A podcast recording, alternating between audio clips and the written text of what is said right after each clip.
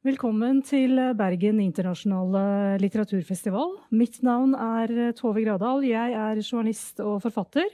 Og i fjor ga jeg ut en bok om FNs sikkerhetsråd. Jeg skulle veldig gjerne ha vært i Bergen denne helgen, og togbilletten var klar, og jeg var klar for å reise over Hardangervidda. Men et virus ville det altså annerledes, og derfor befinner jeg meg nå på Litteraturhuset i Oslo. I juni i fjor ble Norge valgt inn som medlem av det som jeg i min bok kaller verdens mektigste råd. Og erfaringen siden da det er at eh, det er et enormt stort informasjonsbehov om FNs sikkerhetsråd. Og det er veldig stor interesse for å vite mer om hva som foregår der. Og hva det innebærer å være medlem, ikke minst. Og det skal jeg si en del om nå den neste halvtimen. Eh, vi må først snakke litt om eh, hva Sikkerhetsrådet er for noe. Så skal jeg si litt om historien fra de eh, fire tidligere periodene Norge har sittet i rådet. Og så skal jeg snakke mest om det som venter Norge nå i 2021 og 2022, når vi er medlem for femte gang. På dette lysbildet som jeg starter med, så, så, er det bilde av eh, veggen i Sikkerhetsrådssalen i FNs hovedkvarter i New York. Eh, designet på det mønsteret, den tapeten, eller eh, stofftapeten, er laget av den norske kunstneren Else Paulsson. Og det er jo veldig spesielt med Sikkerhetsrådets sal, som dere ser bilde av her. Det tok jeg i september 2019. Eh, Sikkerhetsrådssalen er liksom FNs hjerte i hovedkvarteret. Og det er designet av en eh, norsk arkitekt, Arnstein Arneberg. Maleriet på veggen der er laget av Per Krogh. Og disse norske kunstnerne de fikk altså oppdraget med å utsmykke Sikkerhetsrådssalen av, takket være vil jeg si, FNs første generalsekretær, som altså var en nordmann, Trygve Lie. Og verdens mektigste råd det har altså som hovedoppgave å ivareta fred og sikkerhet i verden. FN oppsto jo i ruinene av, eh, av andre verdenskrig for eh, over 75 år siden. Det var de allierte seiersmaktene som bestemte seg for at eh, nå skulle det bli slutt på kriger. Nå skal vi forhandle, snakke sammen, i stedet for å gå til krig mot hverandre. Og det fremste organet for å hindre krig det var Sikkerhetsrådet. Sikkerhetsrådet har fem faste medlemmer. De har vetorett over eh, beslutninger. Eh, så har du ti valgte medlemmer, som Norge da er en av eh, nå i to år. Og disse ti de representerer liksom hele resten av FN. Disse, dette rådet kan, har noen maktmidler til disposisjon. Det viktigste er å kunne innføre sanksjoner mot land og mot grupper og mot personer. Og det neste er jo det, det, viktigste maktmiddelet er at rådet kan starte kriger eller gi autorisasjon til eh, krig. Og det har det gjort flere ganger. Korea på 50-tallet, Irak i 91 og Libya i 2011. Og rådet kan også bl.a. pålegge land å innføre spesielle lover, f.eks. når det gjelder eh, bekjempelse av terrorisme. Og ingen andre organer i verden har liksom på vegne av verdenssamfunnet like kraftfulle maktmidler til disposisjon det er derfor jeg kaller dette rådet for det mektigste i verden. Men nettopp pga. vetoretten til disse fem landene, USA, Kina, Russland, Storbritannia og Frankrike, så kan man også kalle Sikkerhetsrådet for et avmaktens råd. Fordi hvis en, en av vetomaktene ikke vil, så blir det ingen bestemmelser eller noe handlekraft i, eh, i Sikkerhetsrådet. FN ble altså grunnlagt i 1945, og Norge var ett av de 51 landene som eh, var med på den grunnleggelsen. Den første generalsekretæren var da norsk. Og rådet møttes for første gang for ganske nøyaktig 75 år siden i London i januar 1946. Og Norge ble medlem for første gang i Sikkerhetsrådet i 1949-1950. Da var det to store saker som sto på rådets eh, dagsorden. Det var hvem skal representere Kina? Eh, skal det være kommunistene som overtok makten i Kina i 1949? Eller skal det være nasjonalistregjeringen som flyktet til nåværende Taiwan? Eh, den saken skapte stor uenighet i rådet og ble jo ikke løst før i 1971, da maoistene overtok eh, Kinas sete i FN. Den andre store saken i den perioden var at rådet brukte sin makt til å autorisere eh, en militær operasjon på Koreahalvøya etter at Nord-Korea hadde invadert Sør-Korea. Det var den første gangen rådet tok i bruk denne, dette aller viktigste maktmiddelet sitt. Den neste perioden Norge satt i rådet, var i 1963 til 64. Det var en veldig Uh, hva skal jeg si, en, uh, en, veldig rolig periode i rådet. 50-60-tallet var det få møter. Men det var uh, blitt ganske mange flere medlemsland i FN. Og pga. Av avkoloniseringen så det kom et nytt tema inn på rådets eh, dagsorden på begynnelsen av 60-tallet, og det var kampen mot apartheid. Og der vil jeg si at Norge eh, kan være litt stolt av den perioden, fordi Norge markerte seg da i rådet som en, en motstander mot apartheid, alliert med de afrikanske landene i, som satt i rådet. Og der skilte Norge seg fra sine nærmeste allierte USA og Storbritannia, som ikke på samme måten sto opp i kampen mot apartheid. Den tredje gangen da Norge satt i rådet, 1979-80, var det også viktige, alvorlige saker på dagsordenen. Det aller første da Norge kom inn i 79, det var eh, Kambodsja. Ikke pga. folkemordet som hadde pågått i Kambodsja, men pga. at kommunistene i Vietnam hadde invadert Kambodsja og gjort slutt på Pol Pots terrorregime i Kambodsja. USA fordømte ikke folkemordet i Kambodsja, men fordømte Vietnams invasjon. Og der fulgte Norge etter USA og gjorde det samme. Da den kalde krigen eh, tok slutt, eh, ti år senere, så ble det et voldsomt oppsving i Sikkerhetsrådets eh, aktivitet. Og 1990-tallet det var, var, ikke måte på hva rådet skulle gjøre. Nå skulle det rydde opp i hele verden. Da ble det satt i gang en hel masse fredsbevarende operasjoner, og eh, sanksjonsregimer ble innført. Eh, en av de virkelig viktige hendelsene i rådets historie var at de autoriserte krig mot Irak etter eh, Iraks invasjon av Kuwait i 1990. Så det var mye sånn positiv og, og, eh, handlekraftig aktivitet. Men samtidig, dette tiåret, var det også folkemord i Rwanda og i Srebrenica som rådet ikke klarte å hindre. I 2001 kom Norge inn i Sikkerhetsrådet igjen. Og dette året markerer kanskje toppunktet for liksom et eh, forent sikkerhetsråd, samstemt sikkerhetsråd. Pga.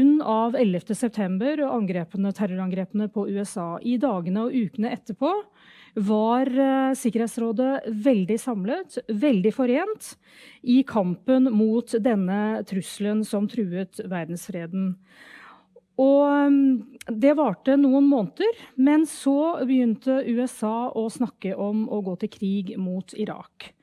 Og da ble det mye splittelse i rådet igjen. Høsten 2002, da Norge sist gang, den siste høsten eh, Norge satt i rådet, da var jeg presseråd for øvrig ved FN-delegasjonen i New York, så jeg fulgte dette på nært hold. Og da var det noen veldig intense konfrontasjoner i rådet pga. Eh, USAs planer om å gå til krig mot Irak. Det er mye å si om det, eh, men eh, jeg skal ikke dvele ved fortiden. Nå må vi komme til vår tid. Nå er Norge tilbake igjen i, i Sikkerhetsrådet, og mye har skjedd siden 2002. Fordi til tross for at det var tøffe konfrontasjoner i rådet pga. Irak i 2002-2003, så var det et relativt godt samarbeidsklima mellom eh, medlemmene i rådet i årene etterpå. Men det siste tiåret har det endret seg. Først kom militæraksjonen mot Libya i 2011, som uh, Sikkerhetsrådet ga tillatelse til.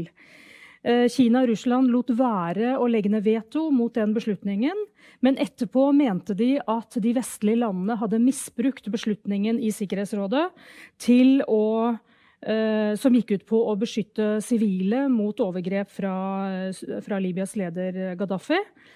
Eh, og Russland og Kina mente at eh, dette mandatet var blitt misbrukt til å gjennomføre et regimeskifte i Libya. Det førte til mye vondt blod i rådet. Og så kommer borgerkrigen i Syria, hvor Russland eh, fra første dag egentlig støttet eh, regimet og Bashar al-Assad. Og siden da har Russland faktisk nedlagt hele 16 veto mot resolusjoner som handler om eh, Syria. I tillegg kom Russlands annektering av Krim i 2014.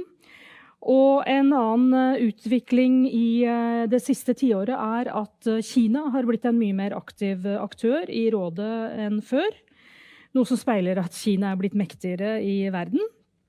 Og resultatet av disse um, utviklingstrekkene er at det nå igjen er mye mer konfrontasjoner i, uh, i rådet. Da hovedsakelig mellom Kina og Russland på den ene siden og vestlige land på den andre siden. Men i tillegg, de fire siste årene, mens Donald Trump har vært president i USA, så har det også vært ganske store splittelser mellom de vestlige landene i rådet. Uh, F.eks. når det gjelder spørsmålet om Iran. Det blir jo nå annerledes med ny president i USA, som er mye mer på linje med sine europeiske allierte. Men det vi kan regne med i uh, denne toårsperioden der Norge sitter i rådet, det er at uh, det blir mange konfrontasjoner mellom særlig vestlige land og Kina og Russland. Og eh, generalsekretær Antonio Guterres eh, i FN han har eh, disse utviklingstrekkene og sier at, eller advarer mot eh, at det kan bli en ny kald krig eh, i verden. Og spørsmålet er ja, er det virkelig så ille? Eh, det har jeg ikke noe veldig klart svar på. Men det er i hvert fall riktig å si at det er ikke helt det samme som under den kalde krigen. Fordi at Under den kalde krigen så var Sikkerhetsrådet i lange perioder helt inaktivt. Medlemmene snakket ikke med hverandre. Nå er det helt annerledes. Det er veldig mange møter og veldig tett kontakt mellom medlemmene i rådet. Og særlig mellom de fem faste medlemslandene. Men den norske regjeringen eh, erkjenner jo at rammevilkårene er ganske krevende for, eh, for Norge når eh, vi nå er medlem av rådet. Uh, utenriksminister Ine Eriksen Søreide hun, uh, la frem en plan for Stortinget for hva Norge skulle gjøre i rådet. Uh, det gjorde hun i desember. Og da sa hun jo sånne ting som at vi går inn i Sikkerhetsrådet i en vanskelig tid. Og det er helt klart at samarbeidsklimaet mellom de faste medlemmene er mer spent enn på lenge. Og hun sa også at vi kommer til å bli stilt overfor mange dilemmaer og krevende avveininger. Og det er helt riktig. Og så er det en spesiell utfordring i denne perioden selvfølgelig at det er en pandemi i verden. Og det gjør at Sikkerhetsrådet ikke kan møtes fysisk i denne fine norskdesignede salen i hovedkvarteret i New York. Nå foregår alle møtene digitalt. Og dette skjermbildet som dere ser her, det er fra et møte torsdag denne uken, da Sikkerhetsrådet snakket om Ukraina. Som for øvrig er et av de splittende temaene i rådet, der Russland og vestlige land er dypt uenige om årsakene til at det fortsatt er konflikt øst i Ukraina. Og de er uenige om hvordan den skal løses. Og Problemet med pandemien er jo selvfølgelig at eh, diplomatiets grunnleggende vesen det er at man møtes, snakker sammen, skaper tillit, bygger broer. Og det er jo veldig vanskelig nå når eh, rådet, rådets medlemmer og disse diplomatene ikke kan møtes fysisk. Så skal vi se litt på hvilke oppgaver Norge har tatt på seg i FNs uh, sikkerhetsråd. Den kanskje aller viktigste jobben Norge har tatt på seg, det er å være det som heter penneholder for Syria, sammen med Irland, som også ble valgt inn samtidig med Norge. Og um, Penneholder betyr det er en uformell eh, jobb, men uh, den er blitt ganske sånn formalisert etter hvert. Det betyr at man har ansvaret for å skrive ut, for å formulere og forhandle frem en resolusjonstekst som rådets medlemmer kan samle seg bak. Og denne penneholderjobben som Norge har tatt på seg, det handler om å reforhandle resolusjoner som Eh, gjør det mulig å frakte nødhjelp over grensen fra Tyrkia og inn i opprørskontrollerte områder i Syria. Eh, Russland og Kina er imot disse nødhjelpskorridorene som har, eh, som har, vært der nå siden 2014. Fordi de mener at eh, det er et brudd på Syrias suverenitet. All nødhjelp skal gå via regimet i Damaskus, mener eh, særlig Russland. da. Og da den resolusjonen ble reforhandlet i juli i fjor, var det knalltøffe forhandlinger før man ble enige om et uh, kompromiss. Og det er ganske sikkert at Russland uh, ikke ønsker å fornye den resolusjonen når den skal fornyes til sommeren. Så dette er en veldig, veldig krevende jobb som Norge har tatt på seg. En annen sånn penneholderjobb er uh, Afghanistan, som Norge mm, deler sammen med Estland, som også sitter i rådet. Og Afghanistan er jo veldig krevende nå. Det er mer vold. Voldsnivået i Afghanistan er høyere nå enn det er i Syria. Og tilsynelatende, sånn med tanke på rådsdynamikken, så er eh, Afghan, burde Afghanistan være en grei sak fordi det handler om å, å fornye mandater for FN-operasjonen i Afghanistan. Men likevel, hvis Norge ønsker å være aktive og få til ting, så ligger, jo, ligger, det jo da et ansvar på Norge å ta initiativer som kan kanskje bidra til å, å løse den fastlåste situasjonen i Afghanistan. Det er eh, Voldsnivået høyt, forhandlinger mellom regjeringen og Taliban står helt i stampe, de partene står langt fra hverandre. Og i tillegg skal altså alle amerikanske soldater ut av Afghanistan i løpet av våren. Eh, og Taliban kommer til å erklære seier når det skjer. Eh, men Afghanistan er ikke noe fredelig sted. Og spørsmålet er hva kan Norge da, som penneholder for Afghanistan, eh, gjøre i rådet? Det er en veldig stor oppgave. Så er det to oppgaver som er veldig, veldig krevende. Og det er, altså Sikkerhetsrådet har flere sånne underliggende organer og de viktigste av dem er 14 sanksjonskomiteer som, eh, som administrerer og overvåker disse sanksjonene som Sikkerhetsrådet har innført mot land eller enkeltpersoner eller grupper. Og den aller mest krevende av disse sanksjonskomiteene er Nord-Korea. Og der er Norge nå leder.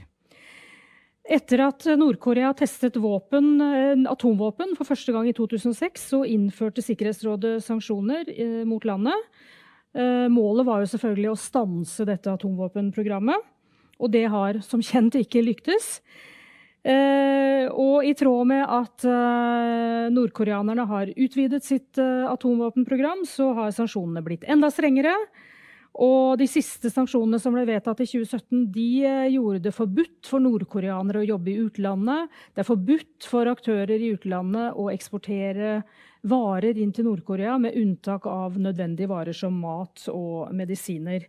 Så det er veldig, veldig strenge sanksjoner.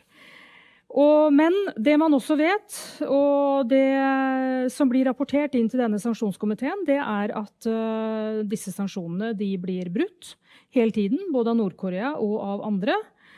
Og uh, det er uh, en del friksjon i den komiteen som gjør at det er en veldig, veldig krevende komité å lede, med mye byråkrati og mye arbeid.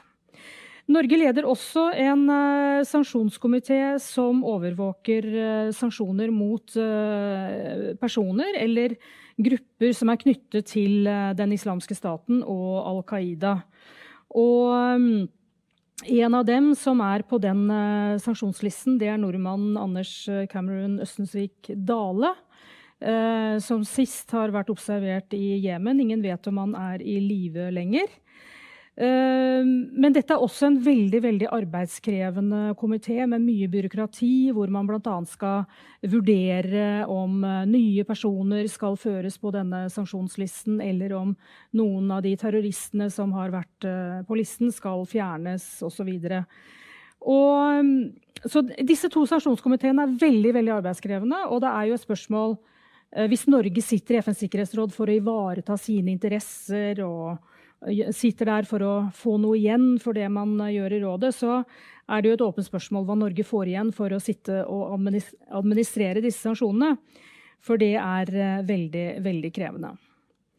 Så er det en annen oppgave som Norge har tatt på seg, og det er å lede enda et sånn organ under Sikkerhetsrådet, som er en arbeidsgruppe for barn i væpnet konflikt. Uh, det er en gruppe som uh, tar imot sånne jevnlige rapporter om situasjonen for barn som lever i konfliktområder. Den siste rapporten de tok imot, det var om Mali nå denne uken, hvor da en av konklusjonene var at der blir barn rekruttert som barnesoldater. De blir kidnappet voldtatt. Eh, veldig mye tunge, krevende eh, rapporter som kommer inn til denne arbeidsgruppen. Men det var, det var, faktisk kamp mellom de nyvalgte medlemmene om å få lov til å lede denne gruppen, fordi at alle vil jo eh, beskytte barn i konflikt. Og det er på en måte en, en, Det å lede denne gruppen betyr at man kan profilere seg på noe som alle er enige om. Men så viser det seg at heller ikke her er arbeidet helt ukontroversielt. Og det viste seg i et møte som ble arrangert nå 29.1. Det var Russland som arrangerte det var et sånn uformelt møte ved siden av Sikkerhetsrådet men uh, knyttet til Sikkerhetsrådet. Og der påpekte Russland at det, temaet var barna som er uh, barn av fremmedkrigere eller av Al Qaida-IS-krigere i Syria og Irak, og som nå befinner seg i leirer i Nord-Syria. Da sa Russland at eh, alle land er folkerettslig forpliktet til å hente hjem sine borgere fra Syria. Og vi vet jo hvor kontroversielt det er. Dette var jo en stor sak i Norge for et år siden. Da regjeringen hentet hjem eh, en eh, mor og hennes to barn av fremmedkrigere fra disse leirene i Syria. Det førte jo til regjeringskrise i Norge. Så vi vet utmerket godt hvor kontroversielt dette er. Og Russland har jo hentet hjem mange flere av sine borgere fra Syria. Og mener altså at uh, vestlige land skal gjøre det samme. Uh, så vidt jeg forstår, er ikke regjeringen enig i at man er folkerettslig forpliktet til å gjøre det. Så er det en uh, siste oppgave, sånn konkret oppgave som Norge har tatt på seg. Og det er at Norge i 2022 skal overta lederskapet av en, noe som heter en uformell ekspertgruppe for klimaendringer som sikkerhetstrussel. Og eh, dette er liksom en av Norges fanesaker i Sikkerhetsrådet. da, Å målbære at klimaendringene er en sikkerhetstrussel. Altså at når havet stiger, det er mer flom, det er mer tørke, mer uvær, så fører det til mer konflikt i verden. Og det er et tema som flere land har forsøkt å få inn på rådets dagsorden. Uh, og denne måneden så er det, det eh, Storbritannia som leder arbeidet i Sikkerhetsrådet denne måneden. Og de skal ha et sånn virkelig høynivåmøte om dette temaet nå den 23. februar. Eh, da er det statsminister Boris Johnson som skal lede møtet. Jeg regner med at Erna Solberg skal stille på eh, digitale, det digitale møtes eh, for å møte på samme nivå.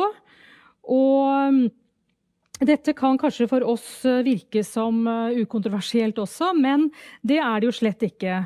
For da det, dette temaet var på rådets dagsorden sist, i juli, så sa bl.a. Russlands FN-ambassadør at vi er sterkt uenige i at klimaendringer er et, eh, et sikkerhetstema. Eh, og da fikk han støtte av, eh, av, Kina og USA. USA under Trump var helt på linje med Russland der. Men nå som USA har fått en ny president, så er USA sannsynligvis helt på linje med Eh, de europeiske landene i dette spørsmålet. Så, men det blir spennende å se hvordan eh, dette temaet eh, blir behandlet i rådet fremover. Avslutningsvis skal jeg si litt om Sikkerhetsrådet er en kompromissenes arena. Og det er et evig dilemma for medlemmer av rådet, inkludert for Norge, som jo har noen veldig klare meninger om respekt for menneskerettighetene, respekt for kvinners rettigheter, respekt for uh, de reglene som er nedfelt i folkeretten. Og da er spørsmålet skal man bruke Sikkerhetsrådet som en plattform til å, til symbolpolitikk, markere disse sterke overbevisningene? Eller skal man bruke kreftene på å strebe etter enighet i rådet, for dermed å få frem et samlet budskap fra Sikkerhetsrådet? Et godt eksempel på det, det, var, det kom i, neste, nei, i forrige uke. Eh, det var et kupp, militærkupp i Myanmar den 1. februar. Og et kupp er typisk noe som eh, hører hjemme på Sikkerhetsrådets bord, fordi det truer internasjonal fred og sikkerhet. Og eh, Britene, som da har presidentskapet i rådet denne måten, de la frem en, et forslag til en tekst eh, som kalte det som hadde skjedd, et kupp, og som fordømte dette kuppet. Eh, det, det, tekstforslaget det fikk eh, nei fra Kina og Russland. Det ville de ikke være med på. Så forhandlet rådets medlemmer i to dager, og så endte de med et eh, kompromiss. Som britene her på Twitter eh, skryter av, hvor de sier at um, ja, Hvor de viser til da hva, kom, hva de ble enige om. Og der omtales ikke lenger de militæres maktovertagelse som et kupp, men rådet samlet erklærer dyp bekymring over det som har skjedd, og oppfordrer Eh, Myanmars makthavere til å løslate alle dem som var blitt fengslet. Og Argumentet for å inngå i et sånn kompromiss det var fra de vestlige landenes side at det virker sterkere på Myanmars militære makthavere nå at både Kina, som jo er deres allierte i Asia, og India og Vietnam, to andre viktige asiatiske land som nå sitter i rådet, står bak en slik erklæring som erklærer uh, bekymring over det som har skjedd, enn at bare de vestlige landene går høyt på banen og, og fordømmer dette kuppet. Argumentet er da at uh, det virker sterkere på kuppmakerne at Kina også er med på å uttrykke bekymring på vegne av, av verdenssamfunnet. Og slike kompromisser vil Norge måtte inngå mange ganger de neste to årene. Og, vil, eh, og Norge vil også møte kritikk for å inngå sånne, sånne kompromisser. Og det er, det er, noe av uh, Sikkerhetsrådets vesen og noe av man, uh, den prisen man må betale for å sitte ved de mektige spor. Jeg avslutter der og um, takker for oppmerksomheten. Og, og, sier takk til alle som har fulgt med på denne programposten fra Bergen internasjonale litteraturfestival.